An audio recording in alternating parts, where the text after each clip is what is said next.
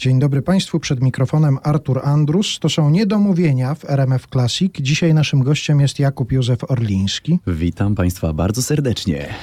Ja tak y, znana jest ta audycja z tego, że bezkompromisowe, czasami ryzykowne pytania się tutaj pojawią. Od razu odważnie w intymne sprawy pójdę w tym pytaniu pierwszym.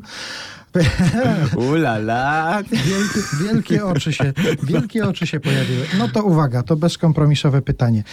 O imionach chciałem zapytać. Czy w Uuu. tych imionach Jakub i Józef jest jakaś rodzinna tradycja zachowana? One są na cześć kogoś, to jest na pamiątkę kogoś? Dobrze, dobrze uderza pan redaktor, ale tu bardziej chodzi o spór. Y, Głównie wyszło ze sporu rodzinnego. Mianowicie mój tato jest Jakub Orliński. E, Moi rodzice chcieli, żebym był Józefem Orlińskim, ale babcia uparła się, że chce, żeby było tak, jak jest mój tato, czyli Jakub. Więc rodzice stwierdzili, no dobra, już nie będziemy się spierać, zróbmy Jakub, Józef Orliński. I babcia mówiła na mnie Jakub, rodzice mówili na mnie Józef, dlatego miałem dość trudne dzieciństwo. Nie no, rzeczywiście na początku było troszeczkę ciężko, ale babcia się przemogła i używałem drugiego imienia. Używałem Józefa przez mniej więcej 21 lat swojego życia, ale niestety później jak zdawałem e, papiery na różne jakiegoś rodzaju mm, stypendia, to miałem dużo problemów, bo w większości nawet ważnych dokumentów czy programów z koncertów miałem wpisane Józef Orliński i nie chcieli mi tego zaakceptować, bo mówili, że w dokumentach jest Jakub e, Józef Orliński i dlatego musiałem niestety wszystkie te instytucje obdzwaniać, żeby mi to zmieniali i jakoś tam wystosowali nowe dokumenty. Ja dlatego zapytałem szczególnie o to imię Józef, przepraszam Jakubów wszystkich, ale szczególnie chciałem zapytać o to imię Józef, bo zdaje się, że wśród pana rówieśników nie ma wielu takich, którzy to imię noszą. To nie było modne wtedy. Absolutnie imię. nie. To, ale w ogóle nadal mam wrażenie, że to jest takie mało modne imię i ono jest, rzadko się pojawia. Mało, mało spotykam Jusków. Mam jednego osiedlowego Juska, który jest parę lat młodszy ode mnie i byliśmy razem, sobie jeździliśmy na deskorolkach, jak byliśmy dzieciakami i nadal mamy ze sobą kontakt, więc pozdrawiam cię Wardyński, Wardini. No i teraz jeszcze wyjdzie, że przy okazji załatwiłem trochę prywatną sprawę, bo ja mam na drugie też Józef. Ale cudownie. Ja mam Józef po tacie i dlatego pomyślałem sobie, że to może są jakieś rodzinne związki i że gdzieś Józef Orliński był wcześniej w którymś pokoleniu. Niestety nie, ale, ale Jakub był. I pierwszy Józef jest. Jest. Skoro tak zaczęliśmy od rozmowy o sprawach rodzinnych, to to już jest dosyć powszechnie znane, bo pan o tym często opowiadał, że rodzina ma taki sznyt artystyczny, charakter artystyczny, ale w stronę sztuk wizualnych. Dokładnie. Malarze, architekci to jest raczej ten trop. I muzyki nie było wcześniej w rodzinie? Nie było, aczkolwiek teraz e, zauważam, że być może mam to właśnie po moim tacie trochę i po mamie, bo mama grała podczas studiów na gitarze klasycznej, ale tak e, w miarę amatorsko, ale, ale miała jakieś tam zacięcie. Ale do tej- schody do nieba E, No, to ja grałem schody do nieba.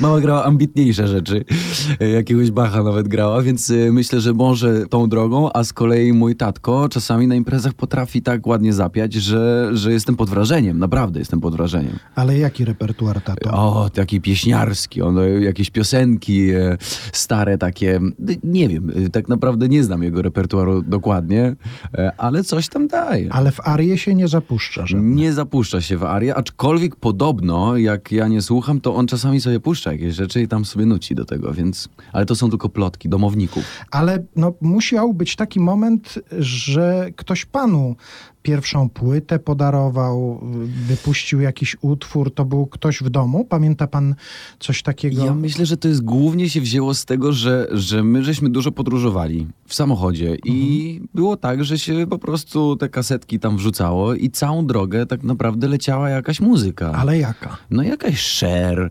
leciała. Pamiętam jak, jak siedziałem z tyłu i moja mama sobie tam coś nuciła do tych piosenek, tam podśpiewywała, mój tatko tak samo. I myślę, że stąd mam właśnie taki y, zapęd do podróżowania i właśnie do muzyki, bo ja uwielbiam podróżować i myślę, że przede wszystkim zacząłem robić to, co robię y, z tych względów y, podróżniczych też, z tej ciekawości takiej.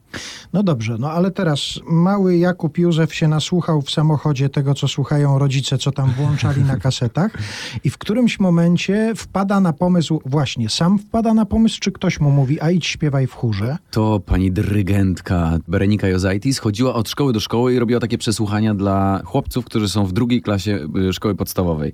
Te przesłuchania są tak, że, że, że pani wchodzi i pyta po dwóch chłopców na, na zewnątrz na korytarz i się śpiewa jakąś tam piosenkę. Nie pamiętam nawet, co To nie jest w sumie istotne. W każdym Na razie... korytarzu się Na korytarzu, podczas lekcji, więc to było już... y, Każdy chciał wyjść.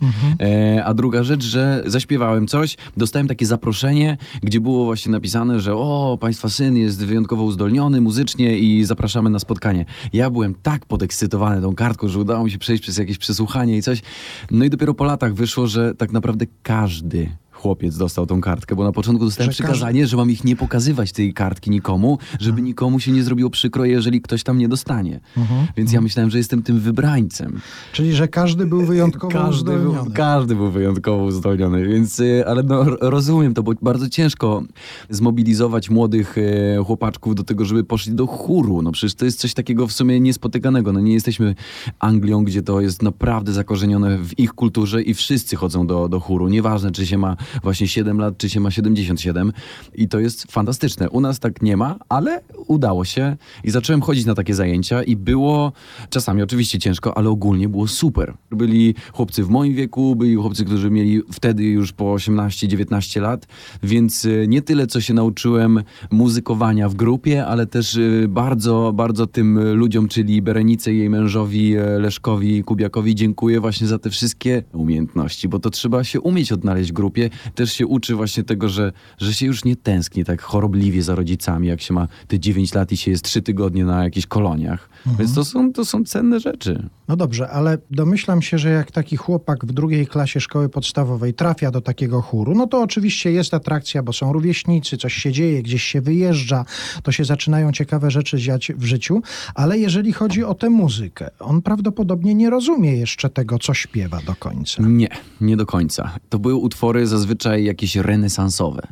No i skąd ja miałem wiedzieć, co to w ogóle jest renesans, co to znaczy i jakby co my w ogóle wykonujemy. Czasami to były jakieś aranżacje jakichś popularnych piosenek y, typu, nie wiem, Let It Be albo coś takiego, ale no głównie śpiewaliśmy jednak piosenki sakralne, mm, jakiegoś takiego typu rzeczy i no to było ciekawe, ale niezrozumiałe. Ja się uczyłem, oczywiście dostawaliśmy od naszego szefostwa tłumaczenie tego, co tam jest i o co to znaczy. I uczyliśmy się raczej tak na małpkę, że tam ktoś grał na tym fortepianie, a my żeśmy powtarzali, więc ja przez długi czas też nie rozumiałem w ogóle. Wiedziałem, że jak te czarne kropki idą do góry, to się muszę jakoś tak bardziej yy, napiąć, a, a jak idą, to schodzę w dół. Więc to na tej zasadzie polegało, ale yy, no z biegiem czasu zaczyna się rozumieć pewne rzeczy i taka pasja do właśnie tego wspólnego muzykowania, a nie takie y, po prostu pod linijką historyczne wykonawstwo, żeby wszystko się zgadzało i, i myślę, że to było pomocne, bo spotkałem wiele osób na moich studiach już w Warszawie,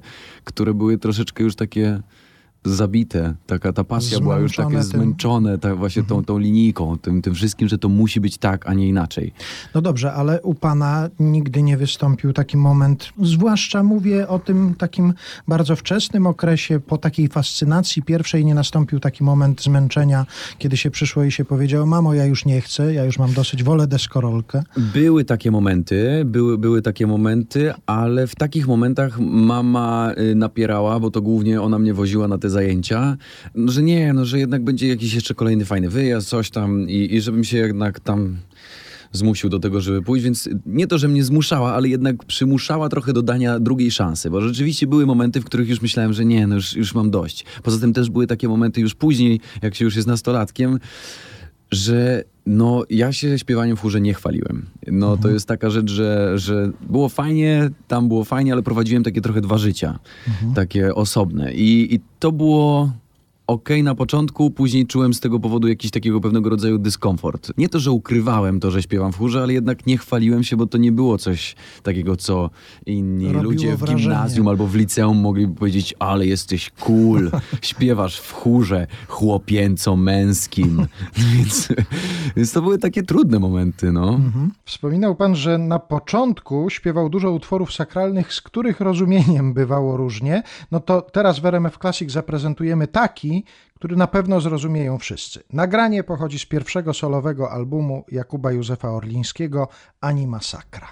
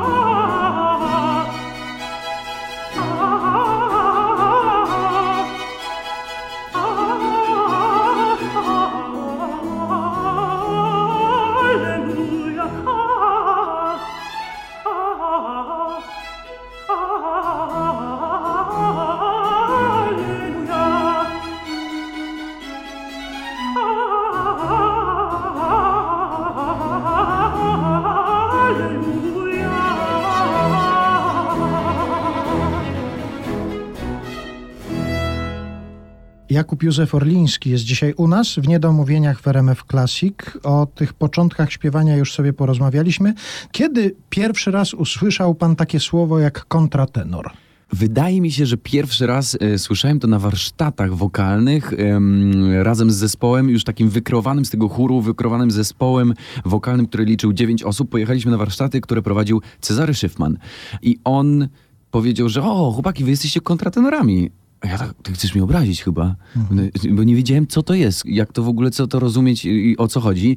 I dopiero po tych warsztatach zacząłem troszeczkę więcej e, czytać, rozumieć i tak naprawdę zrozumiałem, na czym to wszystko polega i jaką techniką w ogóle się posługuje, żeby wydobyć taki głos. Więc to było mniej więcej jak miałem pewnie 16-17 lat. No i dobrze. I kiedy nastąpił ten moment, kiedy było już wiadomo, nie wiem, postanowione, czy to się dzieje jakoś spontanicznie, że się zaczyna śpiewać kontratenorem, czy Trochę, trzeba się na to zdecydować? To, to, jest tak, że trzeba się zdecydować. W naszym przypadku, czyli moim i mojego e, wtedy przyjaciela Piotr Kasowy, to wydarzyło się dość przypadkowo, bo byliśmy już, mieliśmy po 16 lat i przeszliśmy tą e, mutację głosu, mhm. ale u mnie to, i zresztą u niego chyba też, to jakoś tak bardzo lekko i szybko w sumie poszło. I jak wykreowaliśmy ten zespół wokalny, ten męski zespół wokalny Gregorianum, no to śpiewaliśmy takie rzeczy średniowieczne, gdzie jest potrzebny ten bas, bas, baryton i tenor. I ja byłem tym środkowym głosem, bo tak jak mówię, no mówię dość nisko, więc jestem z natury bas barytonem. Ale dość szybko żeśmy przeszli na te rzeczy renesansowe, do których potrzebne są te wyższe głosy. No i była loteria, tylko nie wiadomo skąd i czemu. Dwóch najmłodszych graczy, czyli ja i Piotrek, żeśmy przegrali tą loterię i zaczęliśmy śpiewać te wysokie partie. Takie trochę to było chyba ukartowane, ktoś to zmanipulował, ale koniec końców nie przegraliśmy, tylko wygraliśmy, bo bardzo dobrze że, żeśmy się w tym wszystkim e, czuli. Mm, więc to na początku było takie eksperymentowanie, eksploatowanie tego miejsca w ogóle, jakim jest falset, czyli ta technika, z którą się, którą się posługuje, a później to kwestia tego, że naprawdę nie wiedziałem, co robić ze swoim życiem. A to była jedyna rzecz, która sprawiała mi przyjemność i taką satysfakcję. Więc stwierdziłem, śpiewanie że tym głosem. śpiewanie właśnie tym głosem i, i, jestem jedną z niewielu osób, która jako kontratenor w ogóle zdawała na uczelnię, bo mam wielu, wielu znajomych na świecie, którzy są kontratenorami, ale przez pierwsze 8 lat, nie wiem, 6 lat śpiewali jako tenor, jako bas, jako bas baryton, czyli jako zupełnie inne głosy i dopiero wtedy podejmowali decyzję, jako że chcą jednak być właśnie tym głosem posługiwać się kontratenorowym. A a propos decyzji, takich e, życiowych, zawodowych decyzji, też jest pan w stanie zidentyfikować ten moment, kiedy pan zdecydował, że muzyka to będzie pana życie zawodowe, że z tego pan będzie żył, że to jest coś na, na resztę życia? Pierwsza decyzja poszła w trzeciej liceum, w trzeciej klasie y, liceum, kiedy, mm, bo byłem w szkole plastycznej. Chciałem obudzić ten talent artystyczny, wizualny, jak u moich rodziców. Niestety, no byłem najgorszy. Nie potrafię, no po prostu prostu za nic, nic narysować, nie widzę tej przestrzeni, nie nawet, umiem. Nawet klucza wiolinowego pan nie potrafi to, to, narysować? Tak, brzydkie to jest strasznie, no to woła troszeczkę o pomstę, ale po dwóch latach takich naprawdę rzetelnych prób y, poszedłem do mojej pani wychowawczyni i powiedziałem, że wie pani profesor, jak to wygląda, wszystkie dzieci podchodzą po takiej klasie do mnie, do sztalugi i się śmieją. Ja już mam tego dość, już mam tego dość. Wziąłem książkę do historii muzyki i powiedziałem, że będę od dzisiaj modelem i będę po prostu siedział i czytał i się uczył do, do matury z historii muzyki, do której się sam nauczyłem. Ale jak to modelem? Że, że w sensie niech oni my, rysują? Tak, no bo czasami było tak, że jedną osobę się rysowało, drugą osobę się rysowało, trzecią. No to tym razem ja na cały rok y, objąłem to stanowisko i się po prostu uczyłem do, do historii muzyki. Zdałem to na maturze na tyle dobrze, że, że jakby przyjęte zostały moje papiery mm, na Uniwersytet Muzyczny. No i to była taka pierwsza decyzja, że chciałem spróbować. Mhm. Po czym dopiero myślę, że w, na trzecim roku studiów albo na pierwszym roku y, magisterskich studiów stwierdziłem, że kurczę, zaczyna się dziać, zaczyna się powoli coś dziać, że jeżdżę na te konkursy, nie wygrywam, ale poznaję różne miejsca, jakieś tam koncerty wpadają w Polsce może, może się uda z tego wyżyć. I to był taki pierwszy jakby takie spostrzeżenie, że może się uda, ale jeszcze w tym czasie dużo pracowałem w firmie odzieżowej Turbocolor, takiej streetwearowej, dużo zarabiałem jakby e, robiąc różne eventy, jakieś robiąc pokazy mm, breakdance'owe, czy właśnie takie taneczne e, show, czy jako model dla różnych marek, więc tak zarabiałem pieniądze na studia. Ludzie, którzy działają w sztuce, często mówią o tym, że to, co robią, to jest podbudowane albo ciężką pracą wieloletnią, albo mówią o tym, że mieli niebywałe szczęście. Jak u pana jest? Pan z której grupy raczej? Ja myślę, że troszeczkę z obu, bo ja mhm. rzeczywiście dużo pracowałem. Y, nie mogę sobie tego odjąć, że jak byłem w Warszawie, to ten brak, y, przez to, że byłem troszeczkę z ulicy, wszyscy ci ludzie, którzy studiowali ze mną, byli od razu już po 10-12 latach y, gry na instrumencie i dopiero wchodzili na te studia wokalne. Ja musiałem troszeczkę nadrobić, dlatego mieszkałem właściwie na uczelni. Zresztą tak samo było w Juilliard, jak studiowałem w Nowym Jorku, że rzeczywiście od 8 rano do północy y, z, z moim przyjacielem Michałem Bielem, żeśmy siedzieli i studiowali. Ale tak jak to mówi mój mentor, na szczęście trzeba sobie zapracować i to szczęście się pojawiało. Więc y, tak jak na przykład y, w, na festiwalu d'Aix-en-Provence, telefon dzień wcześniej w nocy, żeby zastąpić kogoś na, na takim radiowym koncercie. No i tak wyszło, że, że to nagranie stało się jakimś hitem i po prostu podbiło internet i teraz myślę masz prawie 8 milionów wyświetleń. To jest się... to takie w shortach? Tak, to jest tak? to w shortach. I to było dokładnie na tej zasadzie, że, że my mieliśmy premierę swojego spektaklu. Po północy dzwoni Marie-Céline z, z, z biura i mówi, że słuchaj, no nam kwartet z Paryża nie dojedzie, czy byś chciał zaśpiewać? Ja przecież jestem śpiewakiem, ja uwielbiam śpiewać. No oczywiście, że zaśpiewam. Więc y, poszedłem następnego dnia po prostu i że to miało być radio. Wszyscy mówili, że nie, no Jakub, radio jest, nikt cię nie będzie widział, możesz się ubrać jak chcesz, będzie 36 stopni. Więc y, poszliśmy z pianistą bardzo luźno ubrani dla dlatego są shorty, są po prostu japoneczki. I Pianista w japonkach, tak, tak. tak Gra z iPada, no tak. więc y, to było takie duże zaskoczenie dla nas i przyszedł nawet dyrektor festiwalu i ja mówię, że ale, ale, ale, ale co ja teraz mam zrobić? No przecież nie pobiegnę, no, za mało czasu, żeby powiedz się przebrać. On mówi, że nie, no dobra już, jak jest, tak jest, nie? Mhm. No i, i tak było słynna instytucja zastępstwa się tutaj pojawia. Tak. To w życiorysach wielu artystów się pojawia zastępstwo tak. nagłe. To... I to też miałem okazję y, zastąpić y, taką bardzo dobrą śpiewaczkę w Glyndebourne. Glyndebourne Festival to jest jeden z takich większych naszych festiwali w Europie i tam śpiewałem taką mniejszą rolę Eustacjo w operze Rinaldo Händla, ale po dwóch tygodniach chyba prób y, nasza główna śpiewaczka, która śpiewała Rinalda, nie do końca wiem co się stało, nie zostało mi to ujawnione, ale wyjechała, więc y, dostałem propozycję od dyrekcji, żeby, żeby wskoczyć na jej miejsce, bo śpiewałem już tą operę wcześniej, tam z sześć miesięcy wcześniej we Frankfurcie. Więc taki wskok, no i okazało się totalnym sukcesem i, i po tym właśnie dostałem nagrodę Gramophone Awards, która też jest taką dość prestiżową nagrodą, więc było bardzo miło. Czy pan mniej więcej może określić, na jakim etapie swojej kariery pan jest teraz? Bo jest pan nadal młodym człowiekiem, tak. czyli raczej to się nie zanosi na to, że to już jest szczyt, prawda? No ale z drugiej strony bardzo duża popularność, tłumy ludzi, którzy przychodzą na występy. Zastanawia się pan nad tym, jaki to jest etap mojej kariery? Nad tym się w sumie nie zastanawiam. Dużo się udało dokonać, dużo, dużo więcej niż sobie wymarzyłem tak naprawdę, więc y, mam takie otwarte ramiona i co się dzieje, to się dzieje. Mam na przykład y, w tą jesień debiut w Metropolitan Opera, co jest jakby dla wszystkich, którzy śpiewają operę, to jest taki w ogóle wyznacznik, że to jest jakby mhm. największe, co możesz osiągnąć. Ja tego tak nie widzę do końca. Jest to fajne miejsce, oczywiście fajnie mieć taką przygodę, ale nie jest to jakiś taki wyznacznik tego, czy mam karierę, czy nie. Bardzo dużo rzeczy się dzieje, a ja też jestem e, jednak osobą taką, która od początku swojej kariery musiała dużo kombinować i dużo produkować. Więc ja dużo sam produkuję. I, I myślę, że na tym dalej to będzie, dalej się to będzie opierać, że ja robię te swoje projekty, te swoje albumy, te moje płyty, to są takie, no dla ludzi takich naprawdę w klimacie, którzy znają się troszeczkę na tym, to wiedzą, że to są albumy koncepcyjne. Tam jest bardzo dużo detali, które wpływają na to, że wszystko jest wyargumentowane. Ale planuje pan to, czy daje się pan ponieść temu, co się zdarza? Jest dużo rzeczy, które są naszkicowane i, i uwielbiam właśnie ten rodzaj działalności, że mam szkic działania, ale mam też dużo dużo takiej przestrzeni, w której niech się dzieje. Mhm. I niech się dzieje, na przykład wyszło nagranie z Miłoszem, czyli właśnie z tym raperem i z e, zespołem pieśni i tańca Śląsk. No to jest w ogóle taka kolaboracja, o której bym, jakbym tego nie wymyślił, ale był nagle czas, żeby coś takiego zrobić. No i wyszło moim zdaniem bardzo fajnie. Wyszła piosenka Doliny i dużo takich fajnych rzeczy się dzieje właśnie dlatego, że jest ta przestrzeń i są miejsca, żeby, żeby coś takiego zrobić. No to posłuchajmy. Dolin z pieśni współczesnych wspólnego albumu zespołu pieśni i tańca Śląsk i Miłosza. Śpiewa Jakub Józef Orliński.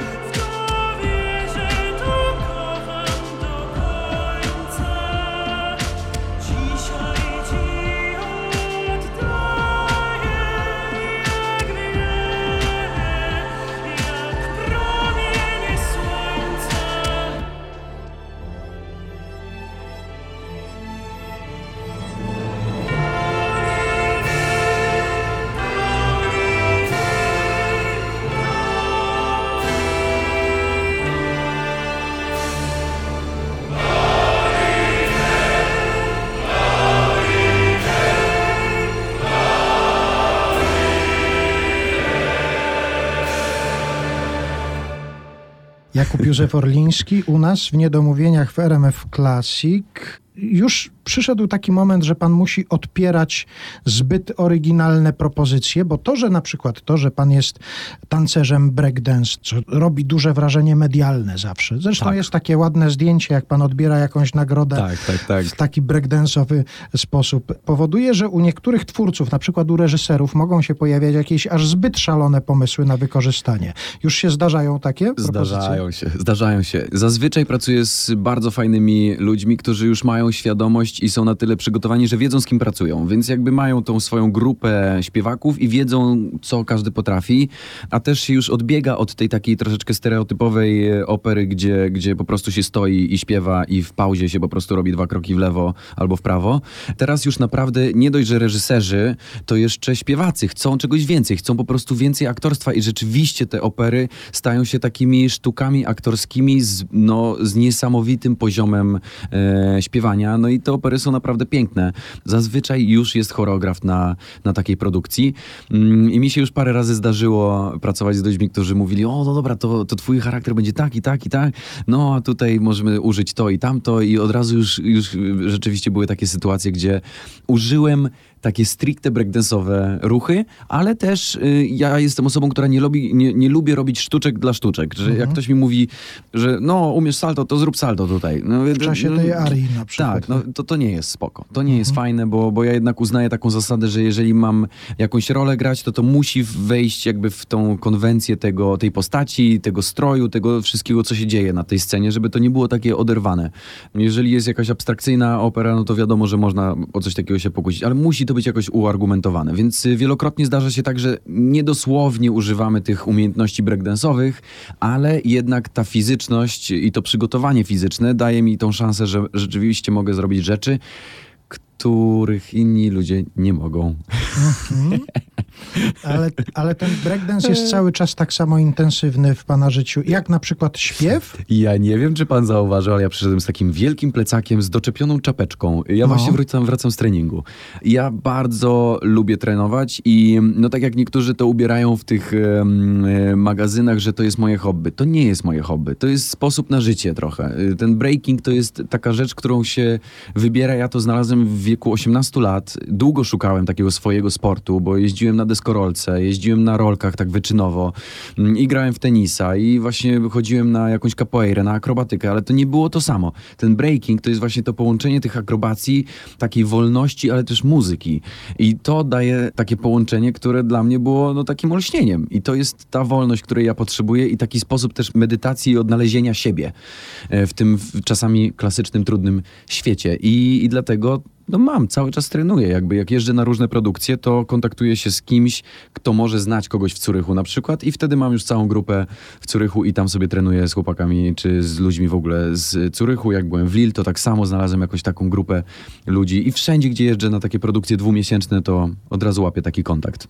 Mówi pan o tym w taki sposób, że korci mnie, żeby spróbować. Ale... A, zapraszam, zapraszam. Mamy takich, co mają po... Nawet teraz był, był, było chyba taka walka takich najstarszych b-boys chyba, których znaleźli. Mieli naprawdę po 72-74 lata. A ja właśnie się zastanawiałem, bo przeczytałem, że o panu napisano kontratenor i b-boy, to zastanawiałem się, jak taki 70-letni b...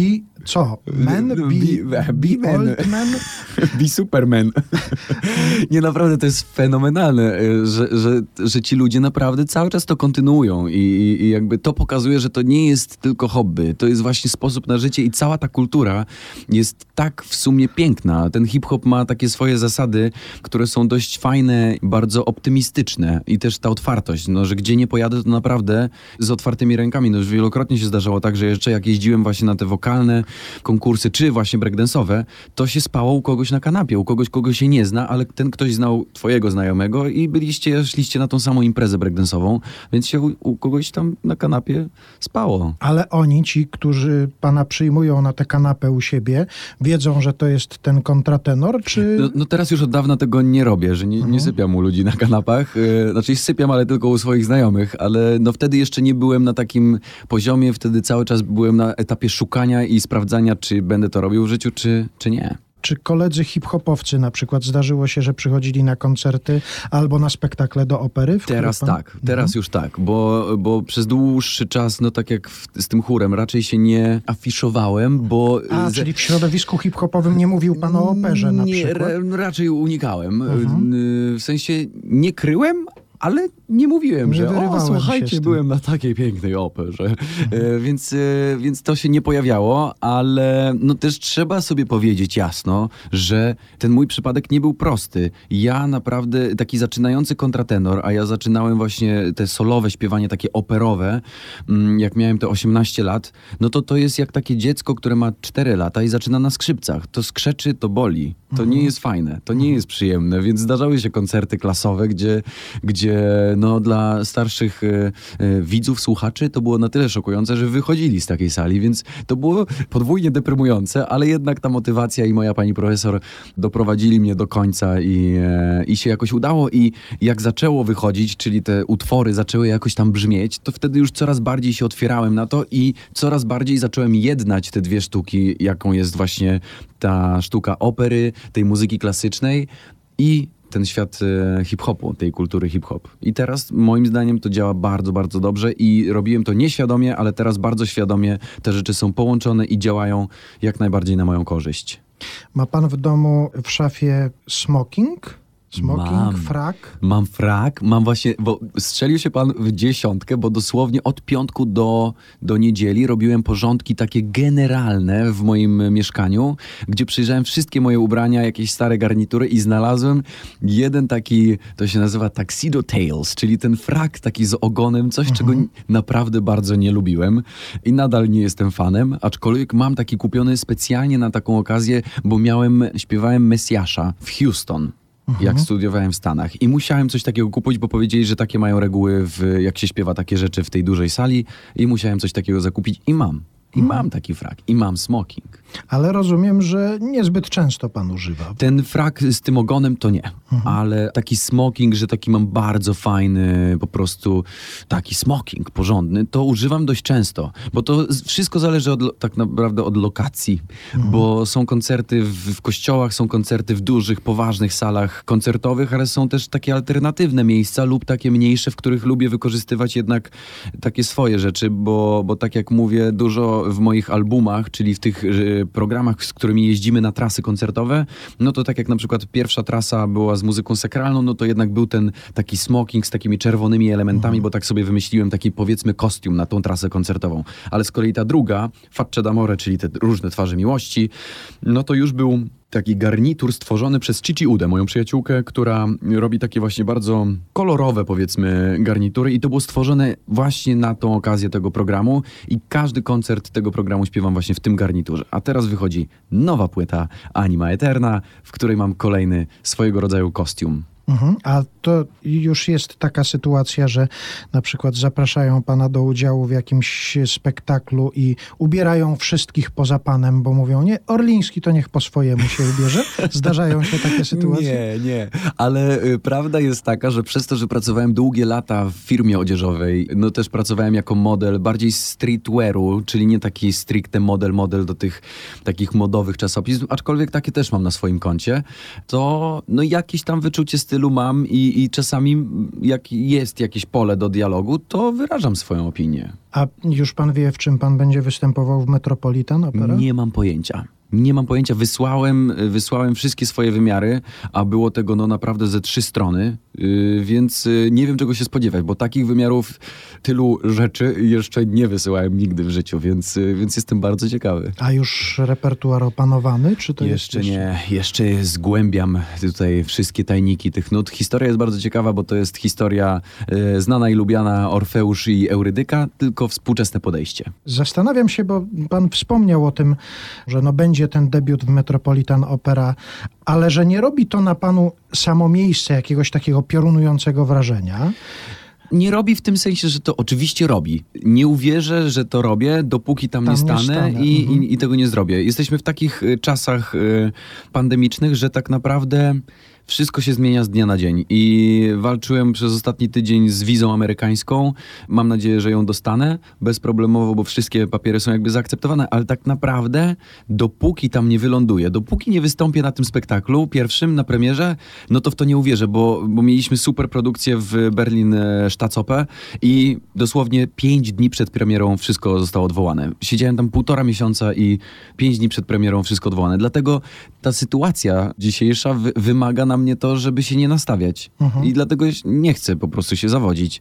Więc jak będzie, tak będzie. Jeżeli odwołają, wrócę i będę robił jakieś inne fajne rzeczy, więc raczej nie będę siedział pod kołdrą i płakał. Ale chciałem zapytać o takie miejsca, które zrobiły na panu wrażenie, takie, które pan pamięta, że to było nie, niebywałe, że się znalazłem w takim miejscu. Jest, jest wiele takich miejsc, bo na przykład w Metropolitan tak naprawdę już śpiewałem. Udało mi się wygrać konkurs Metropolitan Opera, gdzie półfinały się gra z fortepianem e, na głównej scenie tego teatru, tylko nie ma publiczności, jest tylko to jury i tacy ludzie z branży, czyli są jacyś właśnie agenci, jacyś dyrygenci, jacyś właśnie casting dyrektorzy, więc, e, więc zaśpiewałem ten półfinał, dostałem się do finału, gdzie jest już ta główna orkiestra, jest e, po prostu jest się samemu na scenie, prawie 4000 osób, wszystko wypchane, więc jakby mam, brzydko mówiąc, odhaczoną tą scenę w pewnym sensie i to było niesamowite wrażenie, bo rzeczywiście, no tak jakbym stracił przytomność na okres trwania tego jednego utworu, a później już na, na okres drugiego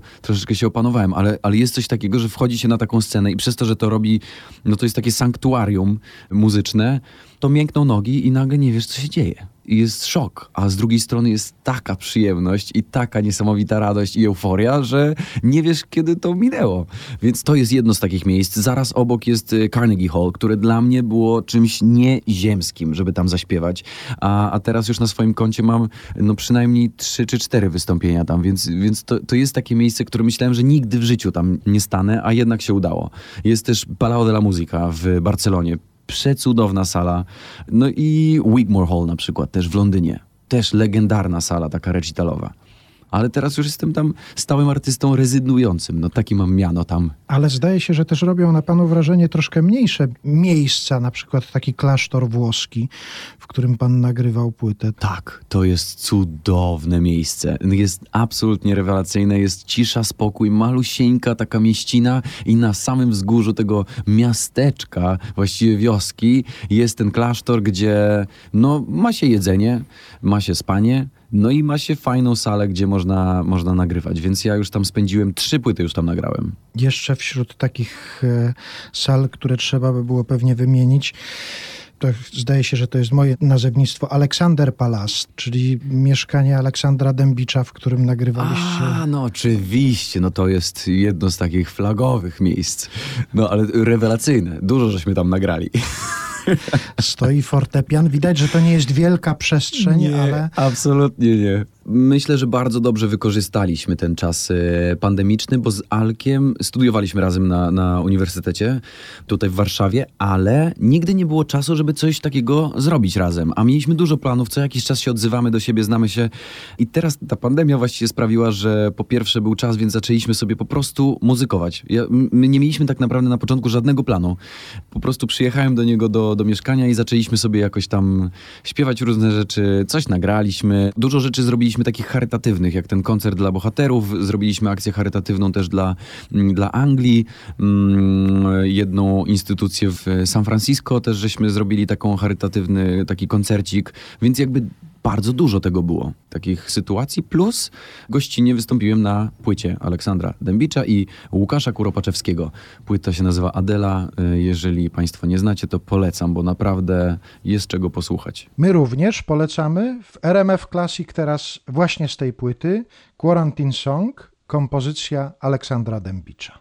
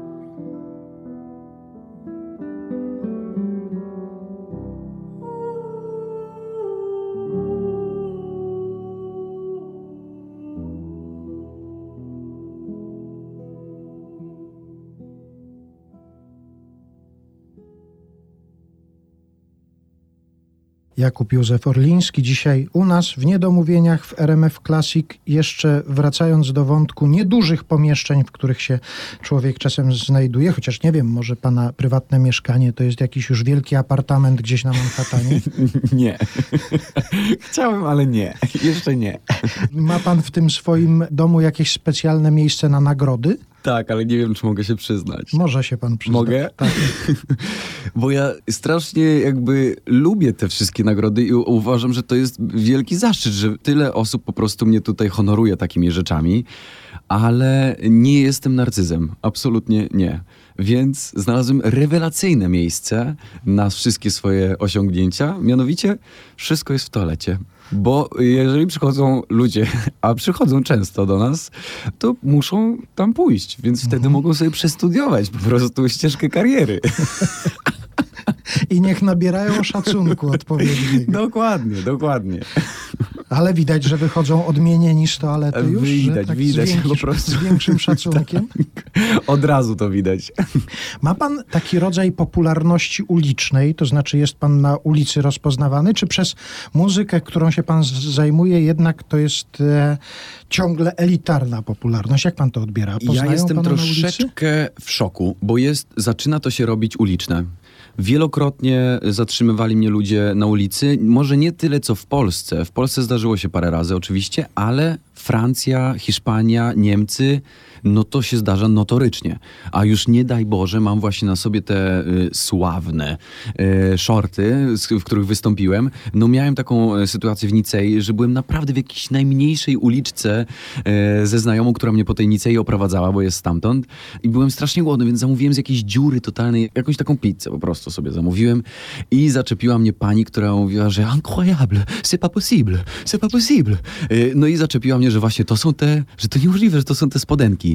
E, No ja mówię, no, no zależy jakie, no zna pani tą firmę, rozumiem. A ona, nie, nie, że to z tego nagrania, pan, pan Orliński. Ja mówię, że no tak. I szokujące o tyle, że to była dziewczyna, która miała, nie wiem, może 21 lat. I to mnie cieszy, bo to są fajne rzeczy, że, że jednak ta muzyka klasyczna dociera do tego młodszego pokolenia i do tej generacji mojej i tej jeszcze młodszej.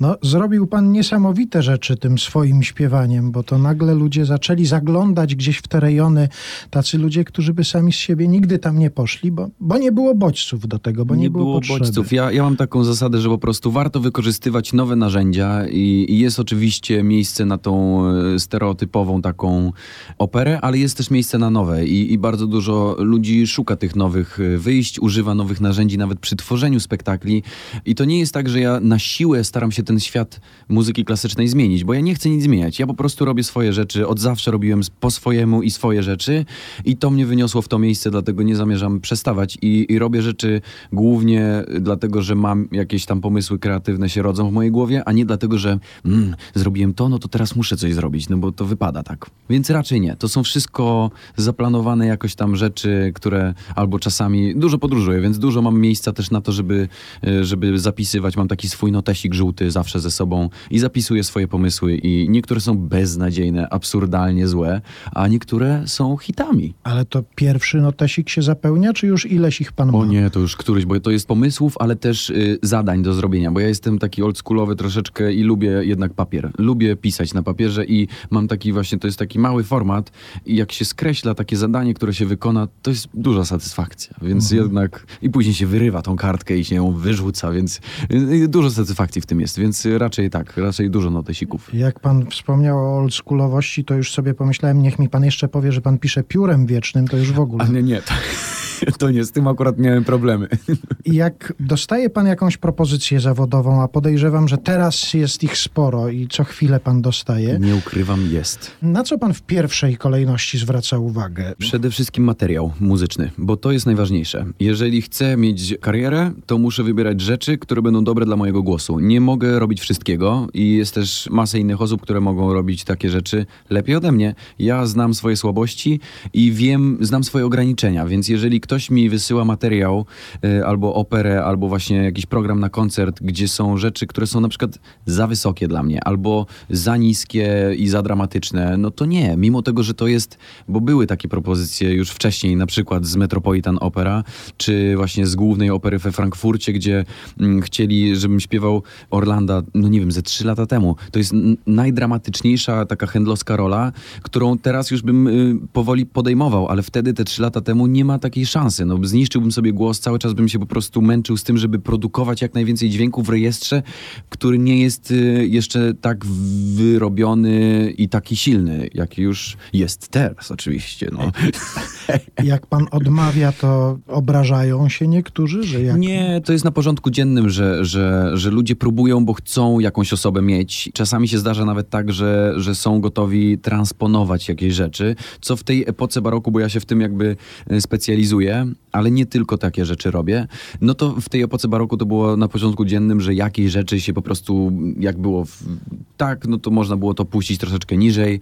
No więc niektórzy się na takie rzeczy zgadzają, niektórzy nie, ale jak dają takie propozycje, no to tak bywa, no, że, się, że się nie można. Albo daty się nie zgadzają, bo już mamy coś innego, więc jest jak jest. A są tacy ludzie, może jeden człowiek, może jest ich więcej i chciałbym ewentualnie uzyskać od pana te nazwiska teraz, albo jedno przynajmniej nazwisko, że gdyby ktoś taki zadzwonił z propozycją, to pan by nawet nie zapytał o to, co to jest za propozycja, tylko od razu by pan powiedział tak. Ajajaj, no Pan jest... dzwoni albo pani dzwoni, to nie ma o czym Jest dyskutować. Robert Carson, to jest taki reżyser i jego operę jedną śpiewałem, ale to było wznowienie, czyli nie pracowałem stricte z nim, a pracowałem właśnie z, z jego asystentem nad operą, którą uważam była najlepsza y, w mojej y, karierze, czyli Rinaldo, właśnie tam, gdzie wskoczyłem w tym, na tym festiwalu w Glyndebourne, bo tam było dużo dramatu, takiego naprawdę dramat, że ludziom się chciało płakać, ale też strasznie dużo takich momentów komediowych. A no takie połączenia lubię najbardziej. Więc jeżeli Robert Carson by do mnie zadzwonił, to wiem, że, że wybrałby coś takiego, żeby, żeby mi pasowało i żebyśmy się naprawdę dobrze przy tym bawili. Nie wiem, czy nas słucha teraz, albo słucha ktoś, Na, kto ma do, na pewno nas słucha. albo ktoś, kto ma do niego bezpośredni dostęp, to proszę mu przekazać te informacje. Bardzo proszę. Jakub Józef Orliński był naszym gościem. Bardzo dziękuję za ten Bardzo dziękuję.